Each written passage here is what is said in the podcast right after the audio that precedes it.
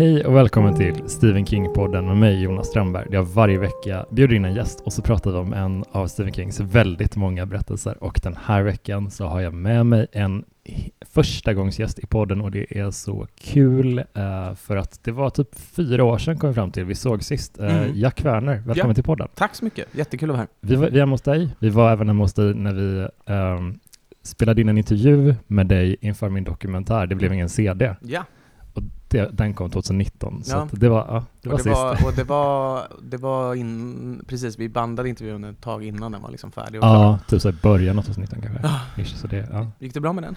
Ja, det gick bra. Ut, det utöver den framgång jag har sett att den Jo, har men fått. det, det, det var, det var, um, jag blev, blev väldigt nöjd med den. Den blev eh, precis så smal som jag hade önskat. Mm. Roligt. Hur är läget med dig? Det är bra. Um, vad har jag för tid i livet just nu?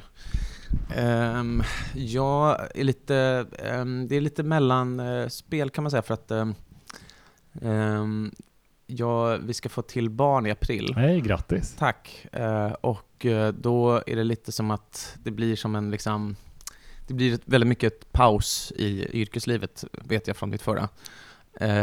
och det är lite som att jag inte riktigt känner att jag har tid att sätta igång något jätteambitiöst. Mm. Samtidigt som jag vill göra något lite långsiktigt. Jag vill inte mm. bara jobba ur hand i mun. Liksom.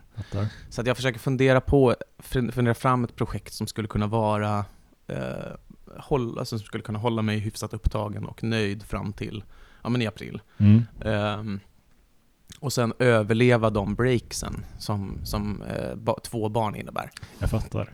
Eh, och, eh, och som sen också kan antingen vara klart innan jag går på fullständig föräldraledighet, mm eller eh, klara sig med liksom, det lågintensiva arbete som man Väldigt specifika krav. Ja, det är ju det. Det är det som är grejen, att det, det, det är den här väldigt struliga pusselluckan liksom, mm. ett sånt här projekt måste passa. Mm. Så att jag äh, vet fan mm.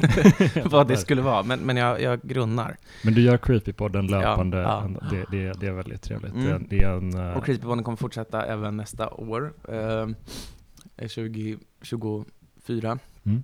Och då är det ju så att då är det ju bara ett år kvar tills att den har gått i tio år. Shit. Eh, Vilken långkörare. Ja, det har blivit det. Och då känns det som att det vore så knäppt att inte köra tio år. Så ja. just nu så talar väl oddsen för att det blir tio år. Kul också att köra så här, ja men nio år och sex månader. Alltså något ja, men det är precis, precis att man skulle verkligen eh, dumpa alla möjligheter att få något firande liksom. Ja. Sluta abrupt in, uh, nio veckor. Eller, eller bara liksom försvinna från feeden sådär också. Det är ju det ja. värsta när man lyssnar på en podd. Ja, att den bara plötsligt upphör att finnas. Ja. Ja. Var det någon intern röra... konflikt mellan Jack och Ludvig eller vad var det som hände ja, Om man vill röra till det är det en god idé. Ja. jag hade en gång ett, ett, en idé om ett så konstprojekt eh, eller någonting. Alltså, egentligen vet jag inte vad, vad ramarna var. Mm. Jag tänkte bara att det vore kul att så här, ha en budget kanske på en, ha, en miljon och sen bara bosätta sig i någon ganska liten by nästan, någonstans. Mm. Och sen bara leva rövare i ett år. Alltså kanske utklädd, eh, springa in i stan och liksom eh, skjuta fyrverkerier, eh, kuta in på den lokala puben och bjuda alla på en runda med jävligt arg röst. Mm. Alltså göra saker som är så uppseendeväckande och konstiga, mm. men o, liksom harmlösa. Och sen efter ett år av det bara försvinna. Ja. För att man då hade i bästa fall skapat en lokal legend. Det... Året då den här konstiga, liksom, den här konstiga personen ja. bodde här. Liksom. Men du, du gillar ju uh, just legender och myter, mm. så jag kan tänka mm. mig att när man studerar man dem så nära. Ja, så. man vill ju bli lite, man, det är ju kul, uh, att, det, är, det är ju lite nästan erotiskt att tänka sig att vara upphov till den. Liksom. Faktiskt alltså. Men sen är ju poängen, problem, alltså, det finns ju ett gammalt uh, internetuttryck som är a forced meme. Mm. Och det är eh, ett meme som aldrig organiskt blev till, mm. utan som någon eh, grupp eller avsändare liksom försökte trycka in som ett meme, alltså försökte göra till en organisk, självständigt levande idé. Mm. Och det finns ju inget dödare än, än en död idé. Liksom. Nej, nej. Eh, så då, eh, men, men då kan du ju vända på det. Alltså det, det specifika exemplet är Millhouse is not a meme. Alltså karaktär, eh, Simpsons-karaktären Millhouse. För då var det som att det fanns någon avsändare först som försökte göra Millhouse till ett meme och folk tyckte att det var helt meningslöst och töntigt och absolut ingen bra idé. Och sen blev Millhouse is not a meme ett meme. Mm. Eh, och då var det ju som att ja, mm. folk tyckte det var, det var roligt att prata om fast på omvänt sätt. Mm. Och därför så blev det en, en, sorts, en sorts legend eller myt av det. Liksom. Och det är väl det man, man, antingen så blir man en legend för att man lyckas appellera till den delen utav den mänskliga, den mänskliga fantasin och, eh, och fascinationen. Eh, eller så blir man det för att man uttröttar dem och är så töntig och jobbig att, man, att de vill slippa en. Liksom. Ja. Och det är lite som man vill i första hand bli älskad i andra hand. ja, det är inte exakt samma, men jag tänkte lite grann på eh, sättet som Coca-Cola kör igång sina julkampanjer varje år. Ja, eh, ja. Här, mm. också så här. Ja, men precis, det är verkligen jämförbart att det är så här, Coca-Cola är inte en juldryck. Nej, men nu det... är det så liten juldryck att vi ändå på något sätt associerar det till juldryck. Att de bara vänder det framåt framåt med pengar hela tiden. Så att, verkligen. Eh, kanske om Men, det, men det, det, som är grejen är att det verkligen är hjärtlöst. Alltså all, och det är ju samma som med Peps, alltså alla sådana här stora varumärken, deras försök att skapa uh, hjärtlig folklighet uh, dör ju. Det blir bara hjärtlös folklighet. Alltså ja. det blir bara det här liksom, det finns Coca-Cola överallt. Ja. Uh, och man har aldrig tänkt, man har aldrig föreställt sig en människa jobba med Coca-Cola och vara god. Liksom. Nej. Uh, så det är ju folkligt, men det är ju dark folkligt. Verkligen. Det här är ju första gången du är med i Stephen mm. King-podden, så jag är jättenyfiken på hur ser din relation till Stephen King ut? Mm. Eh, har alltid stått i bokhyllorna. Mm. Mamma har läst mycket. Eh, sett filmerna, hon stor skräckfilms-aficionado. Eh, så har alltid funnits som ett namn i mitt inre eh, bibliotek. Dock inte själv läst Stephen King nästan alls, med undantag för att skriva mm. och den boken som vi ska diskutera idag. Mm. Eh, jag är lite överraskad med mm. tanke på ditt stora skräckintresse. Precis. Det som är grejen med mitt stora skräckintresse är att det egentligen bottnar inte så mycket i skräck som genre, som i ett intresse av varför vi grips av berättelser. Alltså, och, det, och det är ju det som är kopplingen mellan skräck och källkritik i mitt yrkesliv är ju inte så mycket att jag gillar att rätta människor och att jag brinner för skräck, utan det är ju mer att jag tycker att det är spännande varför vi eh, tror på eller är beredda att sätta tillit till en viss berättelse. Mm. Eh, det finns en miljon olika historier, varför fastnar vi för just en? Eh, och det där gör att jag har varit mer intresserad av liksom, det muntliga, liksom, kort, smittande berättandet. Mm. Mm. Um, så jag har läst liksom mer, det har blivit mer så här vandringsägens samling med, med den typen av litteratur. Och, och eh, skräckromaner har jag läst med liksom behållning på samma sätt som jag skulle säga att alla andra har gjort det. Så ibland har jag hittat något jag tycker särskilt mycket om och då har det varit för att, de, eh, för att jag lirar med liksom motiven eller bilderna eller språket eller sådär. Mm. Men Stephen King har på något sätt aldrig riktigt hittat in där. Trots att jag ju vet mycket väl att jag skulle säkert älska det eh, och jag skulle säkert älska The Shining mm. och du vet alla de där skulle jag säkert tycka jättemycket om. Det har bara aldrig... Det, det är lite som, jag tycker inte nu, nu råkar jag inte tycka om Seinfeld. Mm. Eh, jag har försökt titta på Seinfeld, men mm. jag tycker liksom inte, jag har inte så mycket behållning av det. Jag blir så arg på alla karaktärerna. Ja, dels är det ju det. De är så elaka ja, hela tiden mot varandra. Att det är lite samma, samma motiv som jag har till att tycka illa om Astrid Lindgren. Att ja. alla sabbar alltid för sig själva mm. eh, och är ganska störiga. liksom. Men jag gillar hennes uh, stundtals ganska tunga melankoli. Astrid Astrid Lindgren absolut. Ja, det, den jag älskar.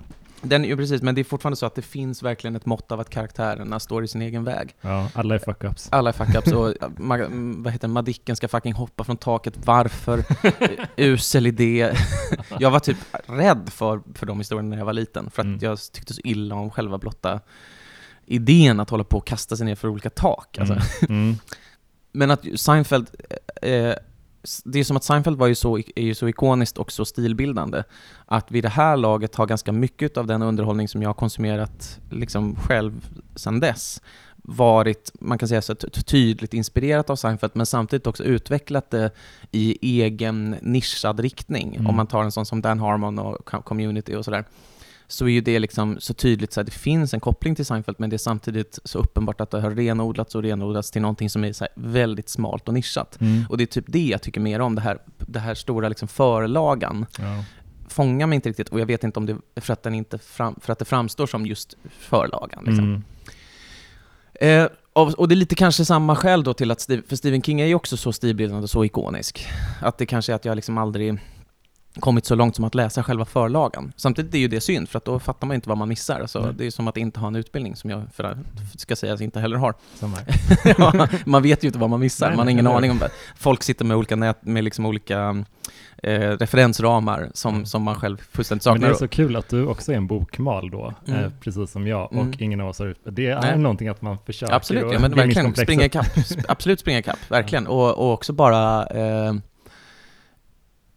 det är så genant varje gång jag läser en bok och får stora aha-upplevelser. Mm. Eh, för jag vet ju att det här är något folk har vetat jättelänge. Mm. Det är bara att det för mig det framstår som stort mm. och häftigt. Jag kan jämföra med, så här, jag håller på att fundera på, jag har en romanidé som jag håller på att fundera på. Mm. Eh, och eh, jag såg Barbie-filmen. Mm. Och den är ju liksom, den är väl någon sorts karbon, det är väl ett typexempel på en bara stor jävla mall 1A Hollywood-produkt på något sätt ändå. Även om den är lite egen och rolig på olika sätt så är den ju väldigt så här, konventionell. Ändå fanns det saker i den här rena bara dramaturgin där som jag var så här, briljant! Det är naturligtvis så att när man kommer till den här andra världen så vänds styrkeförhållandena mellan huvudpersonerna. Mm. Mm. För mig var det så en aha-upplevelse, ja. på ett sätt som det inte hade varit om jag hade vetat någon skit om vad jag pratade om. Ja, jag fattar precis. Så det är genant varje gång man gör de här aha-upplevelserna. Jag har pratat lite för mycket om Tove Jansson med mina kompisar senaste veckorna och det är också... Du har börjat läsa? Mm. Ja, ja mm. nu. Ja. Å andra sidan, vad fan, det är väl nice? Ja, alltså det är väl toppen att nu... Är det Muminböckerna bara? Ja, men jag började med Kometen kommer mm. eh, och älskade dels att hon använder ordet melankolisk och melankoli så många gånger mm. eh, och den känslan som genomsyrar. Och sen så hoppade jag vidare till Pappan och havet, mm. sent i november och den här um, Trollvinter också har läst. Älskar varenda en av dem. Mm. De är otroliga. Mm. Ja, jag borde läsa om några av dem, för det, det, jag tror att man läser dem på ett helt annat sätt i vår ålder än när man var... Gud, liksom. ja. Alltså den här pappans känsla av att bara jag har ingen funktion längre. Mm. Mina barn har lärt sig mm. det de behöver för att överleva, så nu måste jag skapa en situation där jag kan vara värdefull igen. Ja, ja, visst, ja, den, är ju, den är applicerbar på väldigt många tillfällen i livet, men den kommer ju vara som, eh, I föräldraskapet ingår ju verkligen det här liksom att eh, nu känner jag att jag har ett stort värde, min mm. son är tre. Mm. Eh, men, jag, men, men jag ser ju verkligen som ett tåg på väg mot mig, mm. hur liksom hans självständighet är på väg. Ja.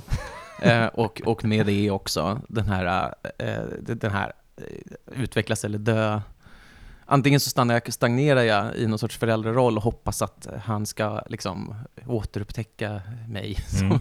eller liksom att återbygga den relation vi har nu. Eller så eh, återskapar jag mig sen. Mm. Men också då på, till, till förlusten av min egen min egen föräldraroll, mm. som jag ju tycker väldigt mycket om att vara i. Mm.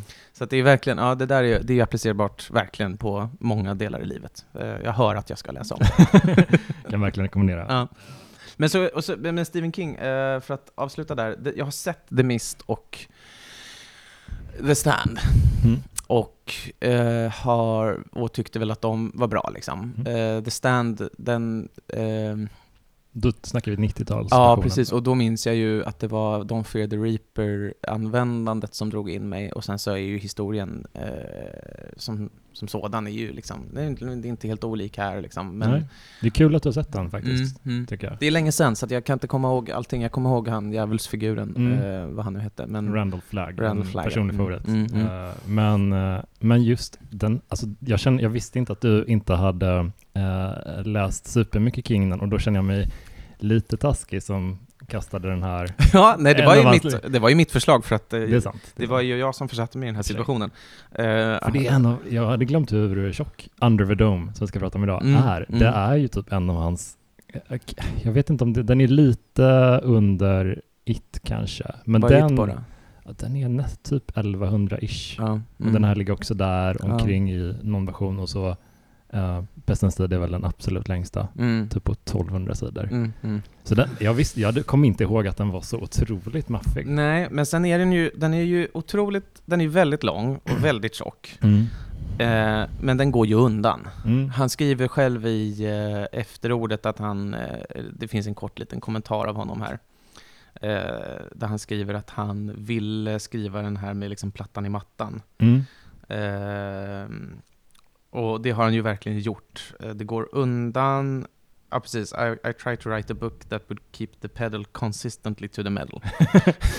ja, alltså det, är, det har den verkligen. För det som händer är att vi, uh, uh, vi är en helt vanlig dag i Chesters Mill i Maine och uh, helt plötsligt så slår en osynlig kupol ner över stadsgränsen, alltså mm. alltså som täcker hela staden. Mm. Och går långt ner under jorden, mm. långt upp i himlen. De kan inte ta sig därifrån. Den är helt omöjlig att förstöra, visade sig ganska snart. Mm.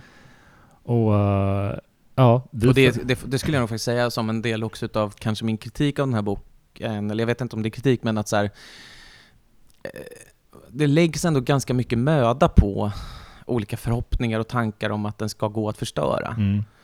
Eh, och utan att spoila någonting så är det Eftersom att bokens upplägg så tydligt är ett tankeexperiment mm så är det så på ett sätt konstigt att hålla på och vara så här. tänk om det går med frätade vätska då?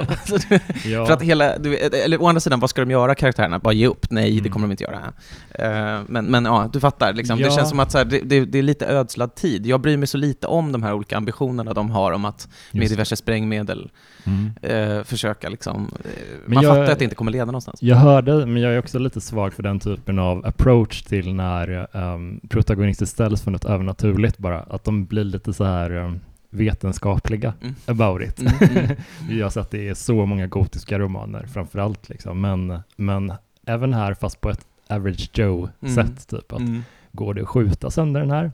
Nej, nej tyvärr inte. Nej, nej, nej, nej, men det är klart, för det leder ju till enskilda, eftersom att den här boken har ju en, det ska sägas att till dess liksom särpräglande drag hörs ju det, hör ju dess uh, karaktärsgalleri som mm. ju är uppåt 70 80 namngivna det personer. Det är, den inleds med en mm. lista. En karta av, och en lista på alla människor. Och den här listan, eh, jag fick lite av en PTSD är verkligen att ta i, för jag avskydde inte den så mycket, men det finns en bok som Stephen King har skrivit med sin son eh, Owen King, som heter uh, Sleeping Beauties, som också börjar med ett stort karaktärsgalleri och sen så bara öser den på och man kommer inte ihåg vem någon är och man får hela tiden konsultera det här galleriet. Men här man slipper det lite. Här tyckte jag inte alls det var samma behov av det. det. Och det är ju för att alla karaktärer har då den i och för sig praktiska, men ganska oestetiska vanan att presentera sig med sina särpräglande drag. Ja.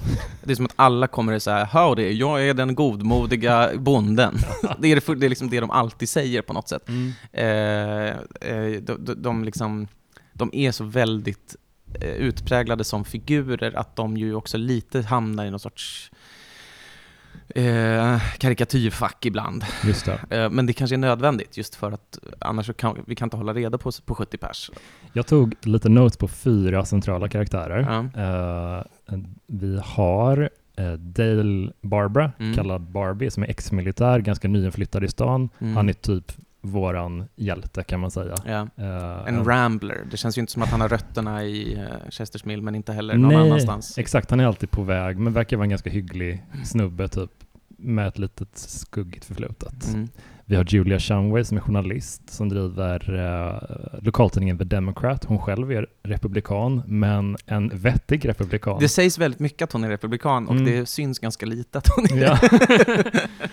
Men jag tror, här, här tror jag att King... Eh, Utgår från någon gammal hederlig republik? Ja, när det fanns liksom mer av en tydlig gråskala lite, att vilken parti man tillhör och sådär. Den här kom ju ut, ska vi också säga, 2009. Ja. Så att man får ju också, och, och det märks ju ganska tydligt, det sägs en, jag tyckte att det var lite kul att han eh, skriver om iPods mm. på det här sättet som han gör, att säga that thingy på något sätt. Alltså att det är music thingy, finns det olika karaktärer som säger liksom. Eh, så att den är ju, men, men det leder ju till att det, man, får, man får utgå från att han har skrivit den här med någon sorts Bush republikanism i åtanke, mm. som jag utan att ha närmare koll på, jag vet att Stephen King hatar Trump, jag kan mm. tänka mig att han hatade Bush också. Jo men det tror jag. Ja. Uh, inte kanske med samma liksom, äh, gusto. Men, men det är i alla fall att det är så här, men då är det nog en, då, är, då, då ska man väl tolka Julia som en så pre-Bush republikan. Mm. Ja men en av de vettiga, de man, som han satt och var nostalgisk kring. Då. Jag hör, det här får lyssnare jättegärna rätta mig på, men jag har hört rykten om att Stephen King själv under typ studietiden eh, flörtade lite med republikanismen mm. eh, och sen efter det blev han typ demokrat eller liberal, mm. vad fan han nu har för etikett. Uh, men jag tror absolut du har en poäng med Bush-referensen mm. uh, där, för i centrum har vi även Big Jim Rennie som är en, ja, han säljer begagnade bilar och bestämmer informellt allt i stan. Han mm. har skit på alla. Mm. Han ser till att beslut fattas så de passar honom. Typ. De andra, han är, han är då select man. Ja, just det. Eh, och som man ska tolka som någon sorts borgmästare eller hur det blir. Mm. Eh, men han andra select man. Mm. Så den första select man, Andy Sanders, är en icke-docka. Mm. Tredje select man, eh, Andrea, vad heter hon, någonting, är ju då alltså Oxycontin eh, mm. på grund av ryggont. Vilket också är för övrigt en, en jag tycker det är en liten kul eh, det, kom, det återkommer ju i boken sen, mm. det här mm. med liksom USAs havererade läkemedels och eh, narkotika eh. Mm. Men att det är lite kul att han får ändå in, det är ju ändå ja, eh, den här J.D. Vance, eh, Hillbilly Elegy, alltså det, hela den här liksom historien om USA som Oxycontin förstört. Mm eh, tittar ju in lite grann här också. Det. På det sättet blir ju hans, hans stad, som du är alltid avsikten om jag förstår honom rätt, mm. en, mm. ett tvärsnitt utav någon sorts mm. Nordamerika. Liksom. Verkligen. Ja, eh, precis. Eh, Big Jim, ja. Ja, och han har en son också, Junior Rennie, som, yeah. tidigt, som tidigt introduceras med märkliga huvudvärksattacker, migränattacker. Mm. Och uh, vi fattar direkt att någonting är extremt fel med honom. Uh, för, för, att det första han gör i stort dödar en kvinna i typ första scenen. Ja. Och uh, jag gillade honom som rollfigur för mm. att han är en sån tickande bomb mm. som vi förstår att nu kommer väggarna slå ner och han är på insidan. Mm. Jag gillar den. En av få riktigt oförutsägbara. Mm. Eller hur? Det Man känns ändå som att många andra, många andra är ganska, som sagt, karikatyr, det finns karikatyrrisken, ja. men det finns också det här att man um, det är en ganska tydlig liksom, goda-onda uppdelning mm. i den här stan. Eh, men han, har ju, han underhåller ju tidvis planer mm. som också är, skulle vara eh, dåliga för det onda laget, trots mm. att han tillhör det onda laget. Så mm. han är ju ändå den, den mest löst flytande mm. figuren på något sätt. Ja, men han är, han är verkligen en loose cannon på, mm. på alla sätt och vis. Och det är extra kul tycker jag att han då blir av Big Jim så blir han utsedd till någon sorts, han blir deputized. Uh, det typ innebär väl att man blir någon sorts tillfällig polis uh, sådär. Mm. För att de behöver förstärka polisstyrkan, tycker Big Jim. Uh, Precis, historien är ju liksom att man kan ju säga att det som kickas igång av att domen faller ner över stan, det är ju två processer där den första är att om, på grund av Barbers, Dale Barber, Barbys eh, förflutna som militär så blir han ganska snart kontaktad av eh, toppmilitärer mm. utanför domen som försöker få honom att eh, styra stan i rätt riktning mm. medan Big Jim försöker styra stan i sin riktning, som mm. är den onda då. Ja, men det, det, ett exempel på det är ju när eh, Big Jim tycker att vi måste börja ransonera nu, ja. för att här, vi vet inte hur länge det här varar. Så intentionen ändå, jag köper det. Jag mm. tycker det är en, en rimlig reaktion, men han gör det på ett sånt eh, aggressivt, fientligt sätt. Han föreslår att de ska sätta upp skyltar utanför matvarubutiken där det står stängd eh, tills vidare, typ. Ingen förklaring, ingenting. Eh, Medan någon av dem eh, mer rimligt lagda sig föreslår, ska vi inte bara skriva vi håller på att inventera nu så vi stäng, stängt några dagar. Uh, och på så sätt inte orsaka panik. Mm. Men han bryr sig inte. Det, han bryr sig ju, tvär, tvärtom är det ju en del av hans... Mm. Uh, ja men ja, precis, det, ja. det, skadar inte hans plan. Nej, om, nej om precis. Han, hans onda oro. plan är ju fortfarande är ju stabilt ond. Ja men verkligen. Men där är det ju ändå att så, här, där, så där finns det ju den här liksom, det finns den här två tydliga vägarna där. Stora onda vägen och stora goda vägen. Mm. Och det, man, skulle, man kan ju säga att den, alltså det är ju inom ett par kapitel som den etableras. Jag kan inte riktigt peka ut exakt var, men när, när Barbie har, eller när Junior har begått sina första mord mm. så är det ju ganska uppenbart uh, ungefär där. Att mm. så här, Barbie är en nagel i ögat på eh, Big Jim. Mm. Eh, eh, Barbie rättskaffens kommer aldrig låta Big Jim göra sin grej. Han är en outsider. Han är en outsider. Här kommer krocken vara liksom. Mm. och, Men, sen är det ju den, och sen är det ju i skärningspunkten mellan de två på, ett, på något sätt som det, som det pågår. Ja, verkligen. Och du var inne på att den här har liksom plattan i mattan mm. från start och det var där den största skillnaden för mig uppstod jämfört med till exempel It som är en väldigt uh, kontemplativ uh, roman och Pestens tid som är väldigt så här, episk, sträcker sig över hela USA. Uh, jättemånga karaktärer under lång period sådär. Men den här är koncentrerad utan att spoila så kan man säga att den är koncentrerad på en eh, något kortare tid kanske. Det, ja, det, det är ett kort, alltså där, och, väldigt kort tid. Ja, mm. ja och mm. på, på en sån liten geografisk yta. Mm. Så, och att det går så jävla fort. Och vi lämnar inte, trots att det här är ju ganska tidigt också etablerat som en världsnyhet. Mm. En oförklarlig bubbla har slutit sig kring en stad. Det. det. ska också sägas att ganska tidigt görs det klart att den här bubblan, eller domen, den följer exakt Chester Mills stadsgräns. Ja. Eh, så att den är ju inte så att den bara har en liksom, så att säga, organisk form. Nej. Alltså den är rund och, och det fin- den formen finns i naturen så därför mm. kan det här vara ett naturligt fenomen. Mm. Utan det är ganska uppenbart tidigt att det här är någonting som någon har skapat. Ja. Är det amerikanska statens fuffens affärer? Är det liksom någonting övernaturligt? Mm. Utomjordingar? Bla bla bla. Mm. Um, men trots att det här då är en världsnyhet, den här domen sluter sig över stan, så får vi ju liksom inte följa... Han, han stannar ju väldigt disciplinerat i stan. Mm. När man också verkligen hade kunnat vara så här, äh, världsreaktionen. Det sägs mm. ibland att världen följde eh, presskonferensen eller världen följde eh, nyhetssändningarna. Men vi är på insidan hela tiden. Ja, precis. Man det lämnar, det är bara utan, det, är så här, man, man, det står lite folk utanför, utanför domen ibland. Mm.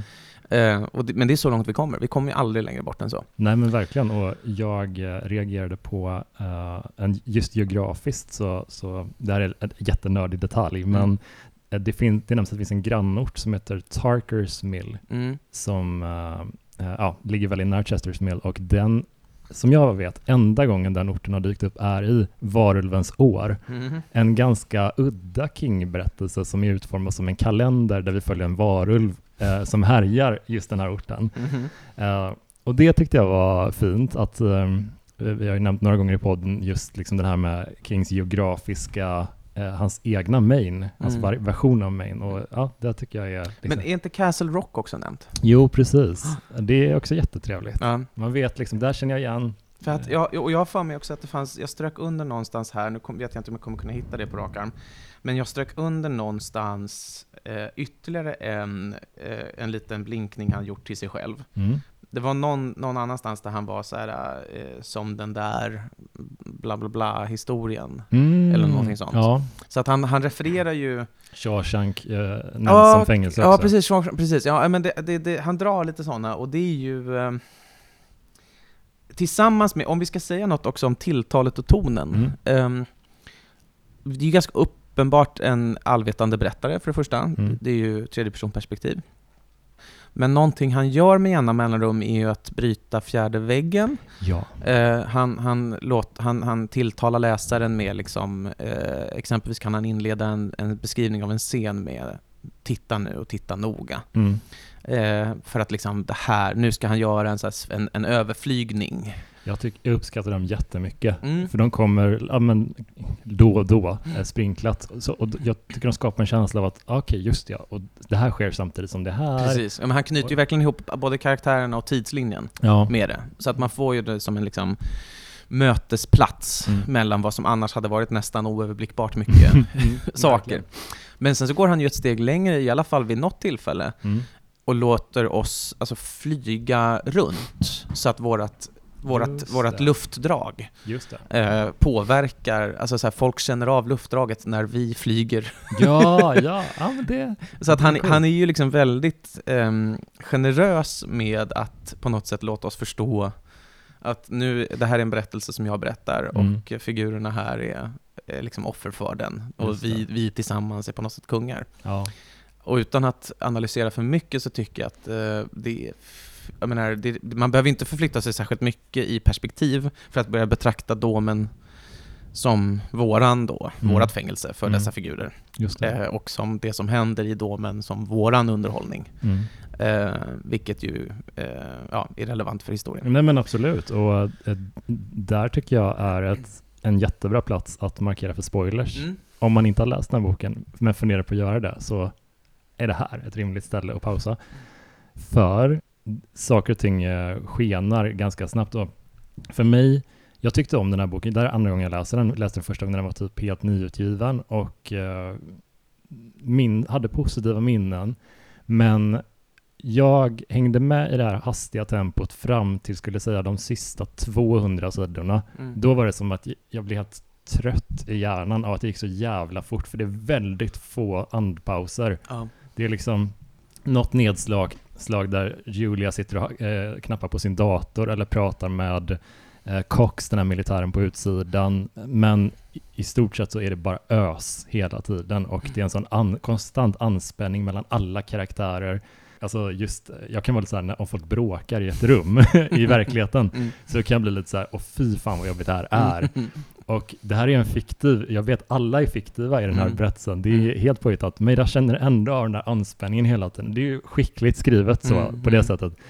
Men fram till, skulle jag säga, ungefär 200 sidor innan slutet, då känner jag att jag är helt med och bara, fan vad kul det här är, vilken ride, den känns en av hans mest maskulina mm. böcker skulle jag säga, på så sätt att den är så jävla um, ja men den är så ösig. Ja, ja, verkligen. Och det är mycket action. Den är så grabbig. Den är väldigt, men det är grabbigt. Jo men exakt. Och ibland så tycker jag att det är grabbigt på ett bra sätt, ibland mm. är det mm. grabbigt på ett dåligt ja, sätt. Ja, alltså, absolut. Jag tycker emellanåt så är det lite oklart vems, eh, vems ögon det är han ser saker genom. Men det förekommer ja. ju mycket att polisen, tjejpolisen har big titties. Ja. Eh, och, och ibland så och, och, så här, och det är väl fine om det är nu utifrån Big Jims ögon, vilket det säkert är. Mm. Det, det, är bara att ibland så tycker jag att det är lite slentrianmässigt, mm. att det är lite liksom pattar och, och, och, det, och det våldtas och knull, alltså det våldtas inte friskt, men, men nästan varje gång en maktuppvisning ska ske mm. från ondingarna mm. gentemot de civila, yeah. då finns antingen ett uttalat eller outtalat hot om sexuellt våld där, yeah.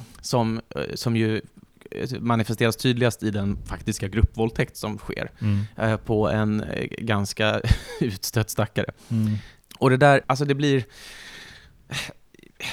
det var väl motiverat för att de där skulle ju verkligen alltså, vilifieras, eh, om det är en anglicism, men de skulle ju mm. verkligen framstå som skurkar, det där mm. gänget med hantlangare. Verkligen. Eh, så att, eh, det är väl klart att, men, men du vet, det, det var gory. Alltså mm. det var en gory, gory våldtäkt liksom. Ja. Eh, och, och sen så var det ju ytterligare, ganska långt fram i boken så finns det också en eh, ganska obehaglig eh, torrjuck-våldtäkt. Ja, just det. Eh, som också är så här, men sen ja, så är det bara att jag, jag, jag strök under, bland det första jag strök under, för jag tyckte att så här, mm, inte för att jag tyckte att det var o, så här, osmakligt, men för att jag tyckte att det var lite trött.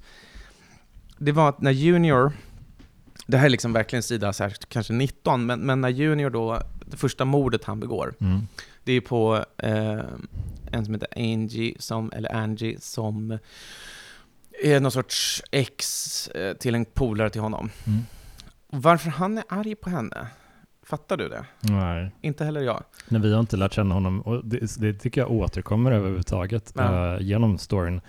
Att kupolen slår ner direkt. Alltså, alltså det är bara några korta scener, överblicksscener som slår den ner. Vi, vi liksom lär inte känna hur ser de här människornas normala liv ut nej, nej, nej, innan det här händer. Hur ser dynamiken ut? Vi fattar ju sen så, men det, det finns inget normalt att jämföra med. Nej, den enda, vardag, den enda vardagen som man kan jämföra med här är den som, som är, är liksom hur man kan titta på spillrorna efter den, så att säga. Mm, men, men Junior då gör, vad han gör då är att han travar hem till den här tjejen för att han ska på något sätt tala allvar med henne. Mm. För att han är då arg på henne på något sätt. Mm. Um, och sen så är hon inte på, hon har på sin morgonrock bara, han puttar henne. Mm. Så hon faller ner och då öppnas hennes morgonrock och hon är naken. Mm. Och då ser han henne naken. Då ser han specifikt He could see the dark patch of hair over her breeding farm. Her goddamn itchy breeding farm. That was all fucking, all the fucking trouble when you got right down to the, those farms were all the fucking trouble in the world. Eh, och för mig är det så här, breeding farm. Ja, alltså, jag förstår att han ska, att han ska här ska det så här, junior, um, liksom inskränkt, uh, så här, sex är för honom ett, liksom, sex och våld är samma språk. Mm. Uh, men också ganska mycket hillbilly. Mm. Men, men ändå, breeding farm är ett ja. sånt jävla, alltså det är ju så här uh, severance-språk.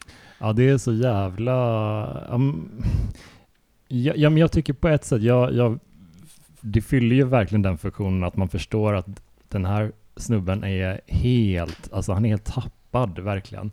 Men jag, jag tycker han är, är intressant på så vis att Typ att dels det här uppenbart att han heter Junior, alltså mm. han refereras bara till det hela mm, tiden. Mm. Han är sin pappas förlängning. Han är bara, han, liksom, mm. han verkar inte heller riktigt gilla sin pappa, får Nej. vi reda på ganska snart. Yeah. Båda de två verkar vara är väldigt dominanta, mm. mörkt sinnade människor, på, fast på helt olika sätt. Mm.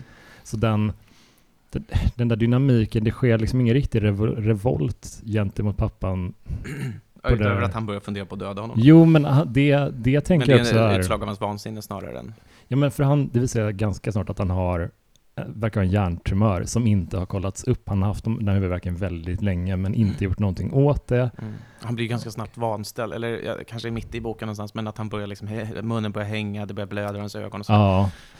Nej men verkligen. Han så sluddrar att, eh, och liksom kan inte tänka klart. Ja men absolut, och han, han känns som en sån skurk. Och egentligen hela tempot och, och liksom strukturen av den här boken känns som en sån där Uh, men du vet, jag kanske tänker på det just för att uh, Barbie känns som Sayid i Lost ganska mm. mycket. Mm. Om man kommer ihåg den serien. Alltså den, på den tiden så var en serie 24 avsnitt lång och det fanns liksom konstanta dramat, alltså det var upp och ner, upp och ner och det var hela tiden spännande och mm. man ett, det kom ett avsnitt i veckan så varje avsnitt var tvungen att vara väldigt adrenalinstint. Mm kollar man på det nu så blir man lite trött i huvudet.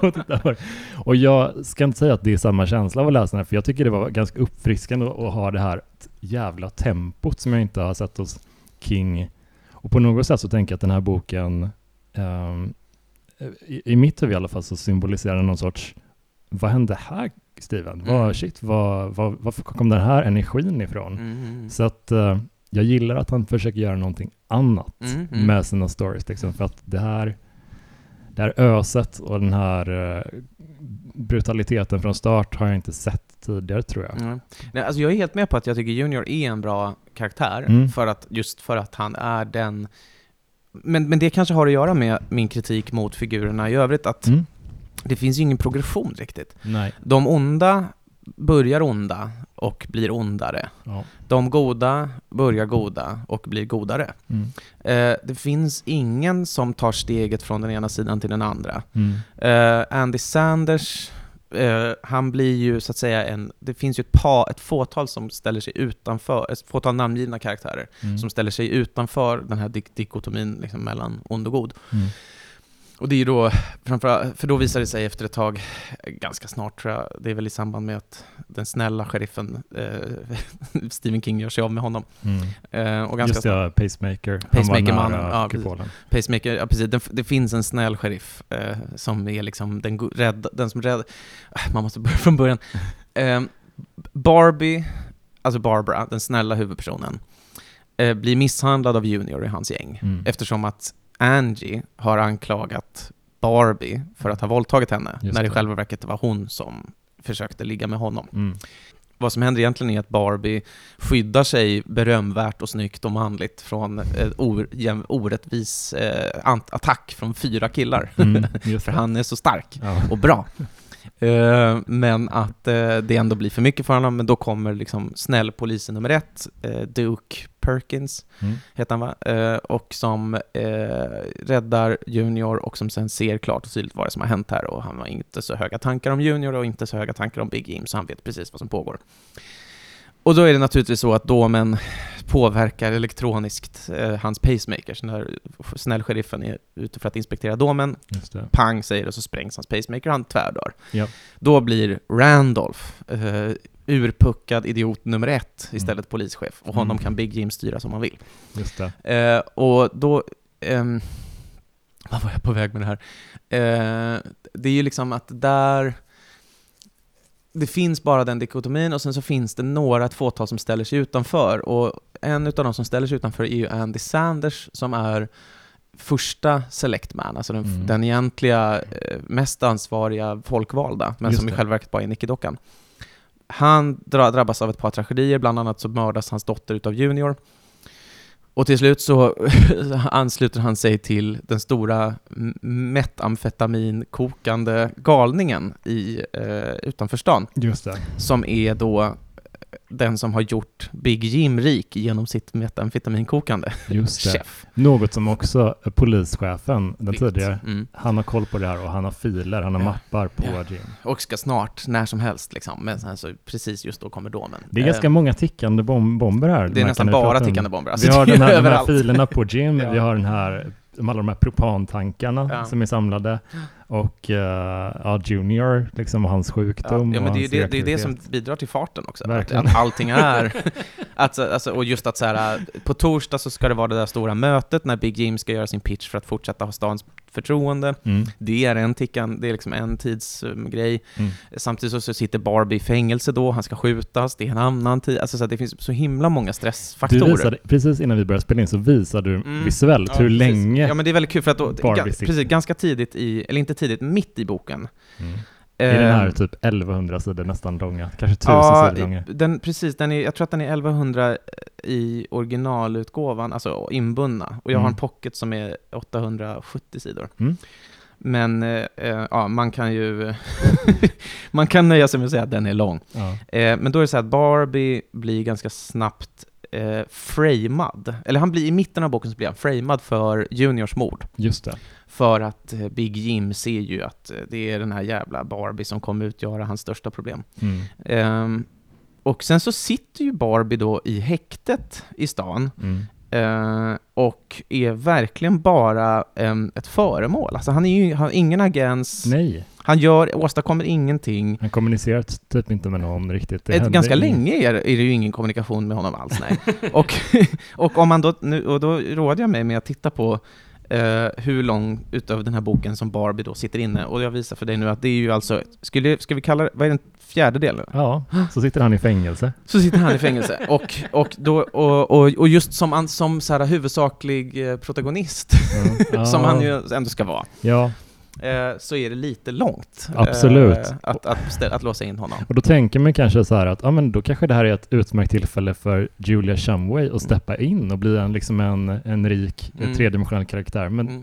det upplever i alla fall inte jag riktigt Inte sker. riktigt. Nej, inte och riktigt. jag var jättenyfiken på henne. När hon Mm. introducerades som den här, ja men hon är journalisten, hon är den där sarkastiska, ifrågasättande, hon, hon tar ingen skit liksom. Mm. Hon är en av ganska få i stan som står upp mot Big Jim. Mm. Eh, och Hon är hen- också den enda som jag skulle säga gör det med någon sorts någorlunda begriplig, begripliga egna motiv. Eller hon har liksom en drivkraft själv i Mm. ifrågasättandet Mm, som Ja, det är möjligen då Rusty som jobbar på sjukhuset som också har lite den. Eh, men annars är det ganska många som, när de väl hamnar på goda laget, då är det mest av någon sorts "Eh, det här går ju inte så bra. Mm, mm. Alltså att de, de medger att Big Jim är en skurk och en vidrig människa. Mm. Men det är ju inte som att de själva brinner av den revolutionslusten. Det. Så att det är ju, hon är ju den som verkligen driver eh, tillsammans med Barbie. Ja, möjligen Rose också som har restaurang. Nej, inte- hon fan driver inte heller så jävla mycket. Nej, precis. Ja, nej men fortsätt med Julia. Nej, men jag, bara eh, sitter hela tiden och hoppas på att hon ska fylla in i den, liksom ikläda sig den här rollen som hjäl, hjälten liksom. Men hon är ju på pappret det. Hon gör väldigt mycket som driver. Hon, hon kommer på lösningar. Hon är väldigt re, alltså proaktiv. Men det...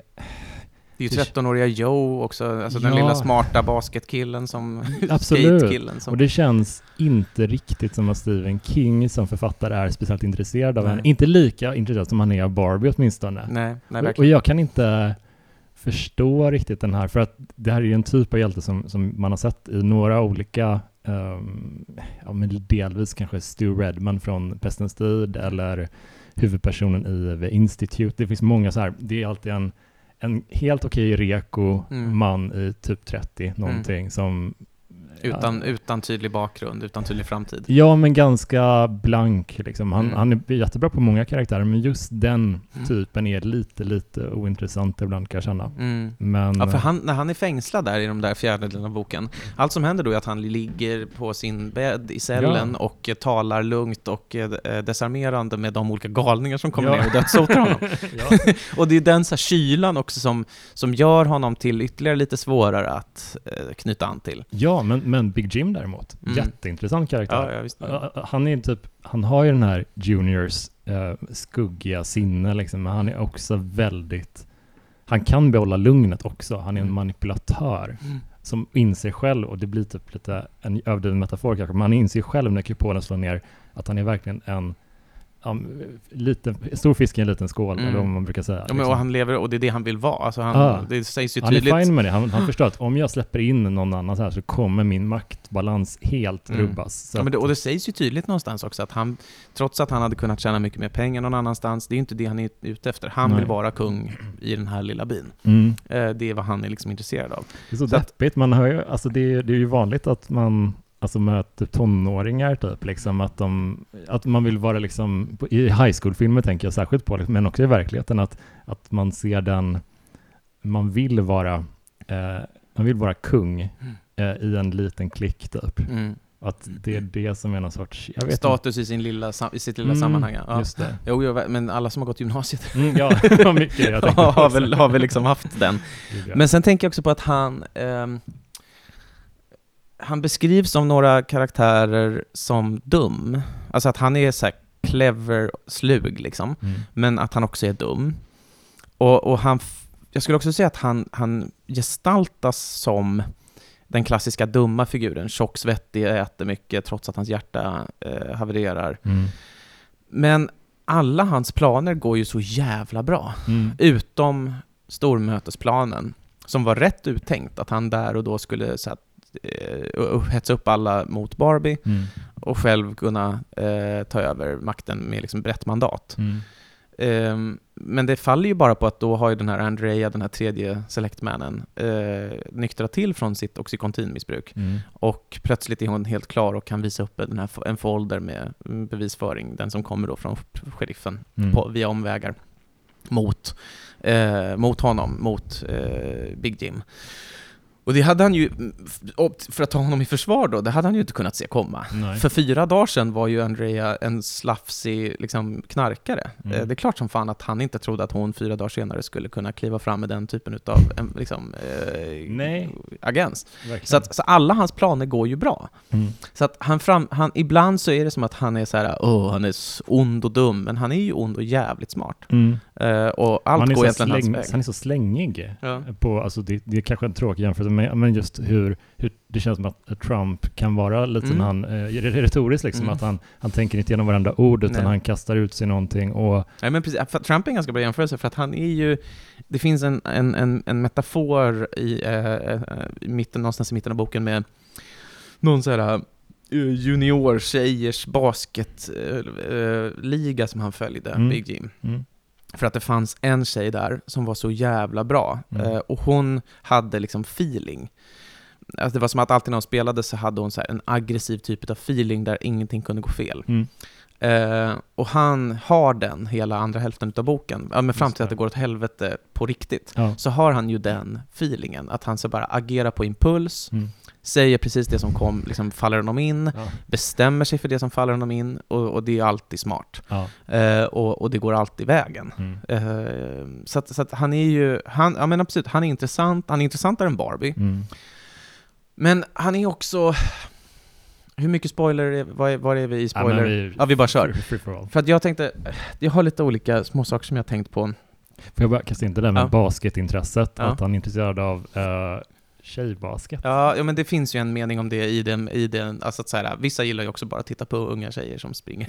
ja, absolut, men jag tolkade det inte bara... Hans sexdrift är ju i och för sig inte alls en markerande Nej, det var inte, jag läste inte in liksom det Nej, det fanns så. inget kåt gubbe i honom riktigt. Det var mer som att det är en intressantare sport ja. att titta på för att ja. de är de bara... Är aggressivare? Ja, det är en aggressivare, mm. elakare sport. Mm. Och, och, jag tycker det var, det är lite humaniserande ändå. Ja, men det är det absolut. Han, han, att, han får många sådana drag. Ja, ja, absolut att han brinner för...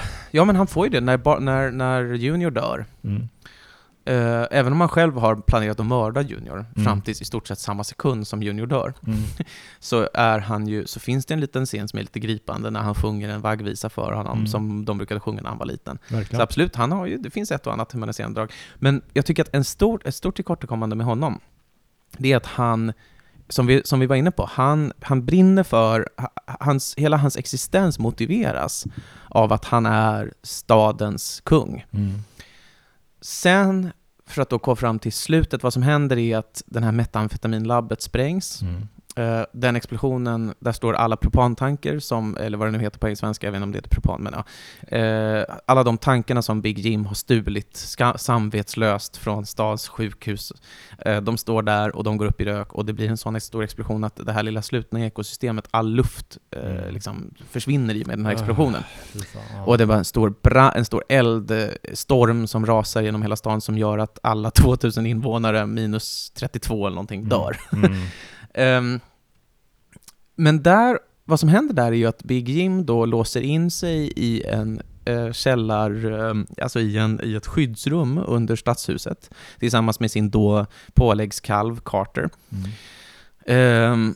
Um, och typ verkar inte beröras, inte, inte röras i ryggen mm. av att stan som var hans existensberättigande har gått upp i rök. Han mm. har ju ingen tron längre, han har mm. ingenting att härska över, han har bara aska att härska över. Och ändå sitter han bara där nere och äter, äter liksom sardiner. Eh, som att han är oberörd av att... Jag tänker mig att det skulle leda till en annan typ av existentiell kris. Mm. Mm. Eh, det är visserligen hans förflutna som kommer ikapp honom i den meningen att det är hans eh, propan, det är hans metamfetaminlabb som spränger hela stan och det är därför alla dör. Mm. Så att det ju, finns ju en poetisk rättvisa i det, men det är bara att han reagerar inte på den alls. Han verkar inte alls tänka på den, utan han tänker fortfarande att så här, han, han tar tillfället då att ge sig ut på en sån här eh, klimatförnekar eh, harang, mm. som jag tyckte också var så här, nu, nu låter du, nu Steven, så låter du bara eh, din figur säga något som, du, som, som gubbar du stör dig på säger.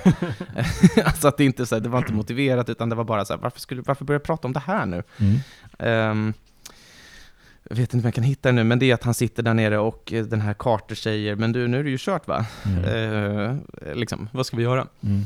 Och han är bara så här, va? Kört smört! Uh, så där säger de på tv hela tiden, all the bleeding heart liberals. Uh, att uh, klimathotet, bla, liksom. Mm. Men det är ju inte så här, det är en helt ojämförligt, alltså han sitter ju bokstavligt talat i en glasbubbla som full av eld. Alltså mm. det är ju kört. Ja. Och på något sätt måste, tycker jag att han borde kunna reflektera det. Jag hade velat ha sin... ett sammanbrott där. Ja, men ett, ja, Låt honom absolut. gå ut med att han total, en total mental kollaps eller känslomässig kollaps. Att ja. han bara att han gråter över det han har förlorat. Mm. Det hade varit så här, fy fan vad coolt det hade varit att se. Mm, mm. Och om Carter då hade varit, för att Carter är ju värvad som kall, ond liksom. Mm. Men nu är det som att det sista som händer är att han överlistar Carter, dödar honom, mm. och sen dör han i någon sorts helt meningslös hjärtinfarkt. Som mm. bara är såhär, ja men ditt hjärta var på väg att ge upp. Alltså, ja, exakt. Vi har ja, en annan tidsbomb. Ja, ja, och nu slog den in. Alltså, ja. Men det är som att det, det, det, är en frukt av hans liv, men inte utav liksom hans gärningar egentligen. Nej. Och på samma, eh, så jag inte förstår riktigt vad han gör med sina karaktärer ibland, Stephen King. Mm. På samma note har jag att det finns två figurer som är då fram, eh, som är då goda. Den ena har vi nämnt, det är Julia, journalisten, mm. tidningsägaren. Julia och Barbie inleder mot slutet av boken en eh, kärleksrelation. Mm. Eh, sen så finns det också Libby, eh, pastor Libby. Just det. Piper. Eh, och hon är då, det finns två stycken eh, präster i stan, det är den goda och den onda. Mm. Eh, den onda är en galen fundamentalist-kristen som eh, späker sig själv och mm. runkar till konstig porr. Mm. Så väldigt klassisk, yes. liksom galen pastor. Eh, den goda är pastor Libby. Mm. Och hon är då, hon har tappat tron det är väldigt liksom, det, det görs en grej av det. Hon, hon sitter och ber till en som hon kallar Not There, mm. för att hon tror inte Gud finns, men ber ändå, bara för att eh, komma igenom sin egen, eh, sin egen tragedi i att mm. inte ha någon tro kvar. Hon har själv en tragedi i bakgrunden, hennes make och son tror jag dog i någon sorts olycka. Mm. Um, så hon ber till en Gud som inte finns där, som hon själv vet inte finns där. Hennes böner är meningslösa och hon vet det medan hon ber. Hur slutar den här boken? Den slutar med att de upptäcker att den här domen är produkten utav eh, motsvarande barn som bränner ihjäl myror med förstoringsglas, fast de är utomjordingar. Precis. Så de bara leker, alltså det är, bara, det är något barn i någon annan dimension eller... Det finns ingen illvilja riktigt bakom Nej, där. det finns bara så att vilja se vad som händer om man pokar mm. på någonting med en stick. Mm. Um, det upptäcker de genom att de får hallucinationer när de rör vid ett visst föremål, mm. där de ser de här barnen. Mm. Um, och den som löser hela skivan, det är då journalisten Julia. Hon mm. kommer på att hon måste be. Alltså hon måste be de här barnen, snälla se till oss med våra små liv, eh, skona oss. Mm. Liksom. Och hon lyckas med det och sen så ja, för, blir de fria och blir ihop. Kul detalj, alltså för att vid tillfället så är det bara en av de här utomjordingsbarnen som hon kommunicerar med. De mm. andra verkar, hon tänker att de har nog gått hem för att äta mat. Ja, eller och, då, och, när, och när det är en, då är det liksom lättare. Och det, mm. och, det, och, och det där motiveras då av en upplevelse som Julia, återigen sent i boken, berättar om. Mm att när hon var liten så vart hon eh, vid något tillfälle, hon var för så här äh, besserwisser duktig i skolan och till slut så tröttnade de balla tjejerna och mobbade och slog, slog henne. Och, men en av dem hade vänt om och liksom, mm. när barn är ensamma så är de inte lika grymma, är mm. slutsatsen som hon också sen använder. Mm. Men det jag inte förstår är varför inte Libby kunde vara den här karaktären. Alltså det är ju Libby som, var, vars, ah. det är Libby som, inte har, som har bett trots att hon har vetat att hennes böner inte har någon att funktion. Att hennes böner hade gått vid, ja. Det är hon som har bakgrundshistorien som gör att här är en annan sorts bön ja, faktiskt. som faktiskt fungerar. Ja. För att den handlar om på riktigt ödmjukhet, att förstå sin roll. Det är en bra invändning. Det, det tyckte jag var jättekonstigt när du säger det. Ja, för tänkt. Julia, den relationen är liksom, jag förstår faktiskt på riktigt inte varför inte Libby kunde också vara föremålet för romansen. Mm. För det finns till och med när Libby, när, när Libby och Barbie träffar varandra, mm så förekommer en så här, uh, oh, om hon hade varit lite yngre, men mm. det, hon kanske är tillräckligt gammal egentligen. Alltså, du vet, men det, det, det ja, precis, det finns ändå en stämning från hans mm. sida i alla fall. Uh, så. Det är som att han tänkte att det här, att, att det skulle, ibland så känner jag så i den här boken att Stephen King har en tanke som han sen typ glömmer eller släpper. Mm. Att det är så mycket skrivet i en så här jävla fart, att han ibland bara så här, ups, och så blev det så här typ. Uh, han introducerar några spår, löper det linan, linan ut, klart färdigt, vidare ja. till nästa liksom. Men att han glömmer det, att så här, Libby, jag tycker hon... Jag hade förstått det mycket mer om hennes... Om, om, jag hade förstått mycket mer hur idén kom till henne. Mm. Att vi måste be. Mm. Eh, än vad jag förstår Julias nu lite... Eh, det är lite som att det är ett alibi. Mm. Det är lite som att hon får bara en backstory liksom, på sig för ja. att hon ska få den här idén sen. Verkligen. Och där ty det tycker jag är ett tillkortakommande uh, i, i liksom en, en, en väldigt central figur. Jag minns när jag läste den här första gången så hade jag lite problem med hur kupolen förklarades och sådär. Och det, jag har hört att en del andra gör också det. Men nu när jag läste om den så jag tyckte inte att det störde. Att det, den förklaringen störde mig inte så, där, så mycket som jag mindes det. Jag vill inte bli missförstådd av er som lyssnar, så att jag tyckte, när jag sa det om att de 200 sista sidorna eh, var stökiga för mig, då är det inte slutscenen som var, in, ingår där, utan det är liksom vägen fram. Mm. Eh, alltså flykten från eh, stan. Ja, tyck- de här god, godingarna arrangerar då en flykt ut. Och, och ja, de ah. klär bilen i bly och ja. sådär och, och, och, allt det och där. Och samtidigt pågår parallellt det här stormötet, men också ett, ett ökande kaos i stan. Ja, men det bara eskalerar och jag blir helt trött i huvudet av det. Men när, jag tycker ändå att det är en av ganska få uh, lugna stunder mm. när de kommunicerar med de här alien-barnen. Mm, det är det ju, verkligen. Jag tyckte det, det låter allting nästan, när man återger det från en Stephen King-roman, mm. tenderar att låta lite fånigt. Ja, ja, verkligen. Men jag, alltså, jag har inte, hade ingen negativ känsla kring den grejen. Jag tycker det, det är slumpartat. Mm.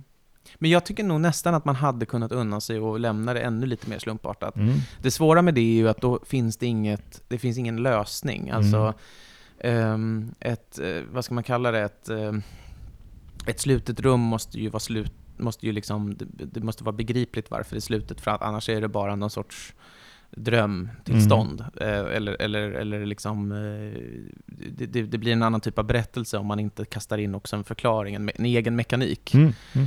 Mm. Um, så det här är ju en lösning på det. Så här, han vill ju ha en historia, verkar det som, som är ändå mer som är bred och därför också, eh, för han är Stephen King, mm. eh, som också har den här mekaniken.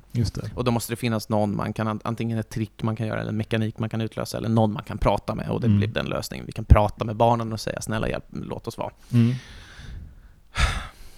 Jag skulle... Jag, jag hade kunnat leva med att den var ännu lite mindre uttalad. Mm. Eh, Risken då hade varit att man så hade liksom löst det på något så här femte elementet sätt, att uh, lösningen är kärlek. Alltså. Mm. ja, uh, och det hade varit cheesy, men... Uh, ja, men eller något sånt här militärt experiment, att det här är något ja. nytt vapen vi håller på att arbeta med. Men det hade också varit, eftersom att det är Det är det Big Jim säger för att liksom framea ja. Barbie lite där. Och jag hade, i för sig inte kunnat, jag hade ju kunnat leva med att han, Big Jim, hade fått lite mer rätt. Återigen, jag tycker att det är lite sekt att det är så, att de, att de goda är så goda och de onda är så onda. Alltså, mm. Någon gång hade Big Jim gärna kunnat få ha rätt, för nu är det mm. som att han bara har en förklenad bild av sina, med, sina medborgare. Han mm. anser att de alla är idioter, ska liksom hållas hårt i hand. Eh, när folk begår vidriga övergrepp under hans överinseende så är han bara så här, liksom, Men, men nice. visst var det någonting om eh, att Barbie hade typ torterat mm. folk i kriget? Precis, men det, är ju, men det var ju också, jag tyckte också det var lite godtyckligt inkastat. Att, mm. eh, jag och Barbie har minsann också en mörk fläck i sin bakgrund. Att när han var i Irak så, mm. eh, då minsann så var han med och mördade, eller så grep i alla fall inte in när Alltså någon... jag är fine med att en pro protagonist har den ja, historien, mm. men då hade jag ännu hellre velat se hur han fick en redemption arc. Liksom, ja, att han ja. får... För nu har han inte det alls, han Nej. hjälper till lite grann. Liksom. Men det är typ mest Julia som gör allting, och barnen. Ja, precis, han, han, han, hjälper inte till sig. Nej men återigen, under hela, under, under den avgörande delen av boken sitter ju han då alltså som sagt i finkelhinkan. Mm. Han, han mm. har ingenting med det att göra. Nej, Utöver men... att han äh, säger till, hur är det nu, han säger till, nej han knyter ihop lite olika personer med varandra. Mm. Men sen så är det ju den här lilla skaran människor som tillsammans kommer på olika lösningar. Ja, men för att vara, jag kan inte konkretisera det direkt med tydliga exempel, så det, du får jättegärna hjälpa om du kommer på någonting, men mm. min magkänsla är lite att han har när han får liksom den här orden från eh, Colonel Cox på utsidan, att du ska nu försöka städa upp och hålla ordning och reda här, då gör han det på ett väldigt militäriskt och liksom traditionellt manligt problemlösarsätt i min mening. Liksom att han, han går ganska head-on och försöker, försöker göra det. Mm. Istället för att kanske lite mera som de kvinnliga karaktärerna försöka lite hålla, dra, knuffa saker åt rätt håll, mm, nudga mm. personer åt rätt håll. Han har, han har, inget av Big Jims eh, han är ingen diplomat, eh, PR-arbete eller trixande. Big Jim är mycket bättre på det där och försöka... Han gör det en gång, eh, så gör han det, och det är när han puttar, när, när Joe, 13-åringen som är genibarnet, mm som till och med adresserar det själv i slutet, att mm. han är såhär 'Jag är the kid genius, eller mm. hur?' Mm. Det visar sig att jag inte är så stor genius i alla fall. Och så är det sorgligt. um, när The Kid Genius kommer på The Genius Idea, jag tycker ibland att det spelas upp som lite så här ”That's a brilliant idea” och sen så är det så här, kan vi sätta fram en webcam mm. och titta mm. på när vi skjuter en bomb på The Dome? Alltså det, jag vet inte riktigt hur jävla smart man ska vara för att komma på det. Men hur som helst, när han kommer på det, då gör Barbie en sån där, alltså ett spel om, om, om folks hjärtan, mm. när han faktiskt visar på skärmen att här står Big Jim och han mm. försöker ta bort den här möjligheten, den här kameran. Yep. Och då vinner han hjärtan. Det är smart, Ja, och, så då, han gör ju det en gång. Men han gör det inte annars. Och det är som att, och det är som att eh, det är som att Stephen King vill både måla ut Barbie som den här helylle, som du är inne på, ganska platta eller liksom i alla fall inte särskilt mångbottnade figuren, mm, utan mm. bara Lucky Luke. Ja. Eh, liksom, oklar bakgrund, oklar framtid, rider in i stan, löser situationen, rider iväg. Ja. Eh, men att han, han vill ha kvar den figuren, och, de, och, och, och, och den är ju hade en sån dykt upp här, mm. så hade vi ju alla älskat honom. Alltså, mm, mm, men, men sen så är det ändå som att folk i stan hela tiden dras till Big Jim. Trots att hans ja. falskspel ibland läggs ut inför öppna dagar. Ja, men också att Big Jim är... Hmm, Ja men han är också... Det går rykten om att han mördat sin hustru. Ja fan. men snälla, ja. titta. Också han är en used car salesman, hur kan ja, någon ja, lita på... Men jo, jag kom på en grej till Barbies försvar ändå, att när han får order om att ta kommando i stan, mm. då justerar han planen som kommer hela vägen från presidenten tydligen. Ja, Barack Obama. Ja, mm. om han justerar den planen så att det inte är att du ska bli borgmästare, mm. utan han säger typ det kommer inte funka, ja. för i den här staden det finns en tydlig hierarki. Mm. Det är mycket bättre att linda in knytnäven i silkeshandske ja. för att använda en Jim Rennie-metafor. Blir, blir, blir rådgivare till, typ. Ja, precis. Ja. Att eh, vi förväntar oss ett uh, gott samarbete mellan er och sådär. Och Jims förstår ju vad det är som står mm. mellan raderna såklart. Mm, mm. Så att han blir ändå så här taggarna utåt. Mm. Ja men precis, ja, nej, men exakt. han gör det, han gör, men han, precis, han tar till, han, vad kan man kalla det, är liksom diplomatiska, eller han är smart ett par gånger, och mm. utöver det är han ju nästan bara rättskaffens. Och, och det är ju det här rättskaffen som sen får honom i i finkan att, som, som gör att han sitter kvar där, att han aldrig spelar ut någon mot någon annan. Mm. Och hade, hade det funnits ett karaktärsgalleri där det fanns fler eh, gråzonsfigurer, lite mera liksom eh, eh, wildcards, Mm. så hade man ju kunnat, tror jag kanske, spela ju, alltså så här, skapa en lite större moralisk gråzon. Mm. Och då hade Barbie också kunnat ingå i den. Just det. Ehm, för det är också det att så här, Big Jim har ju typ, om jag förstår honom rätt, om jag förstår bakhistorien, bakgrundshistorien rätt, samt också det han gör i den här boken. Han Mm. gör ju ingenting bra någonsin. Han är alltid dum och dålig Ja, och ond. Och elak. ja, och elak, visst. Och så här, eh, förne- nekar alltid till alla ansökningar om helt rimlig underhållsarbete. Alltså så här, Mm. kan vi få, kan vi få lite mer liksom, utrustning till sjukhuset? Kommunist. Ja men precis, att det alltid och, och jag har bara så svårt att se att, ehm, att det ska... Att, att han ska ha det här intakta förtroendet Mm. hos stan även i en sån här krissituation. Mm. Sen är det ju så att han slukt fixar de här olika upploppen och, Mm. och, och han, han skapar, han skapar eh, spända situationer som spelar till hans fördel. Ehm, men man borde kunna se igenom det eh, ändå, inbillar jag mig, utan att sitta själv i under en dom. Mm. ja.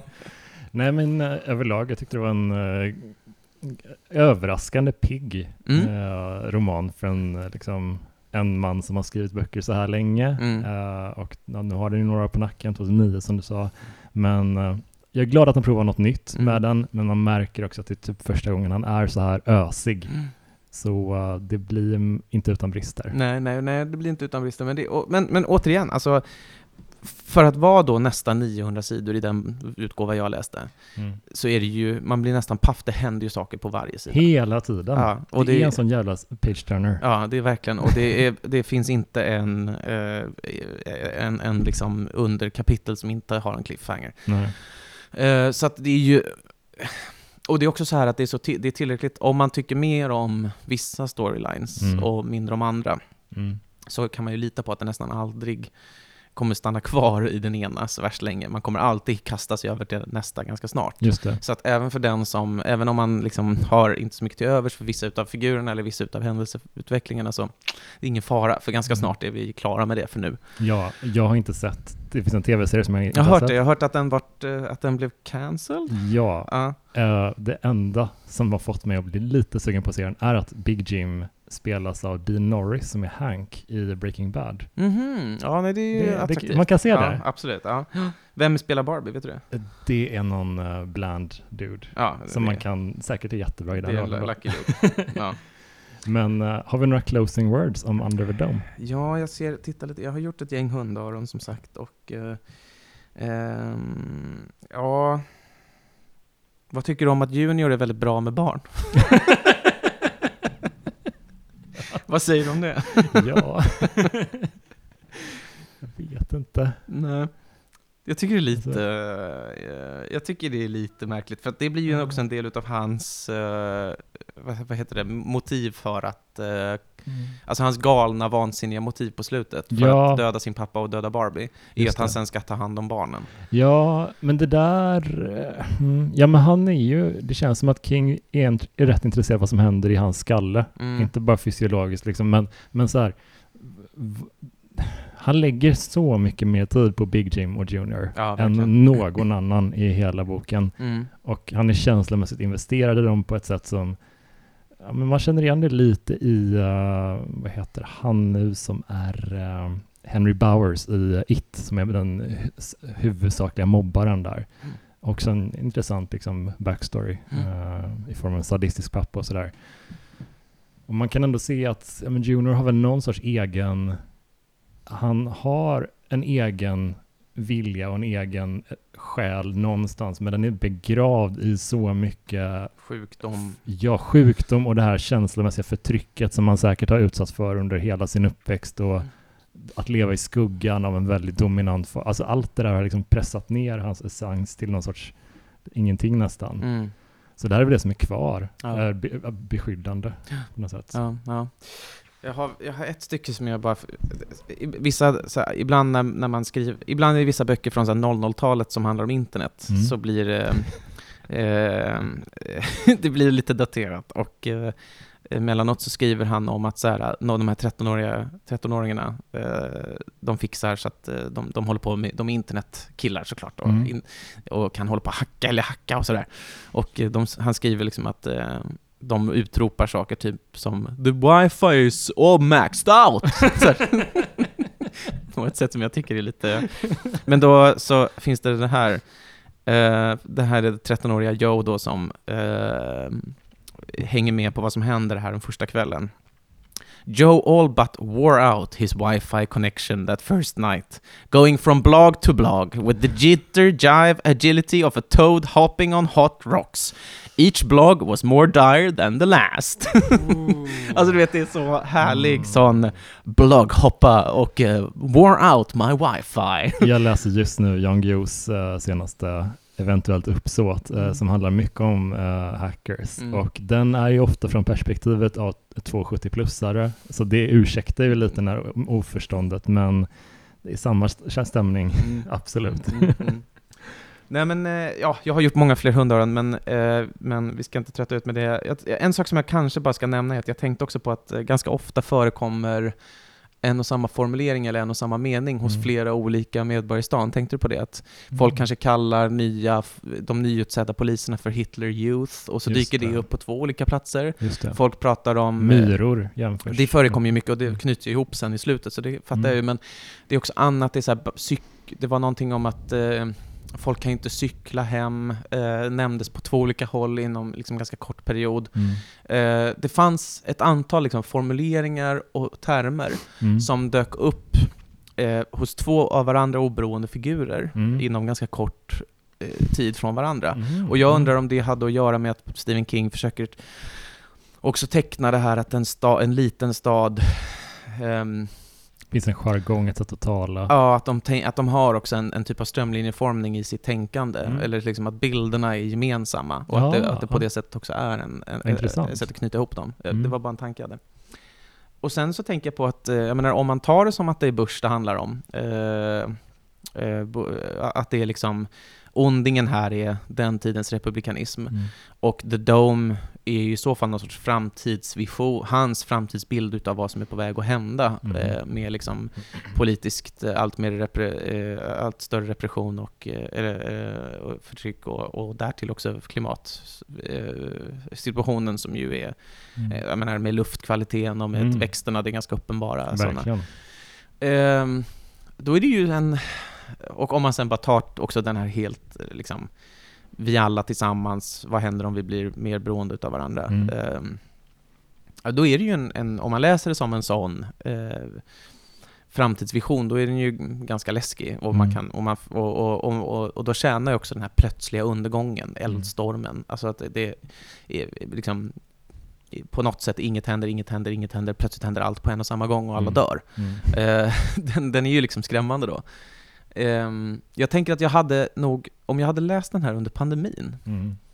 jag undrar hur mycket det hade förändrat min läsning eftersom, alltså typ, jag tänker Ja. kanske, alltså eh, april 2020, Mm. när man, när man precis hade börjat vänja sig vid tanken att, att liksom livet är helt annorlunda. Jag, må, Ja. jag är instängd.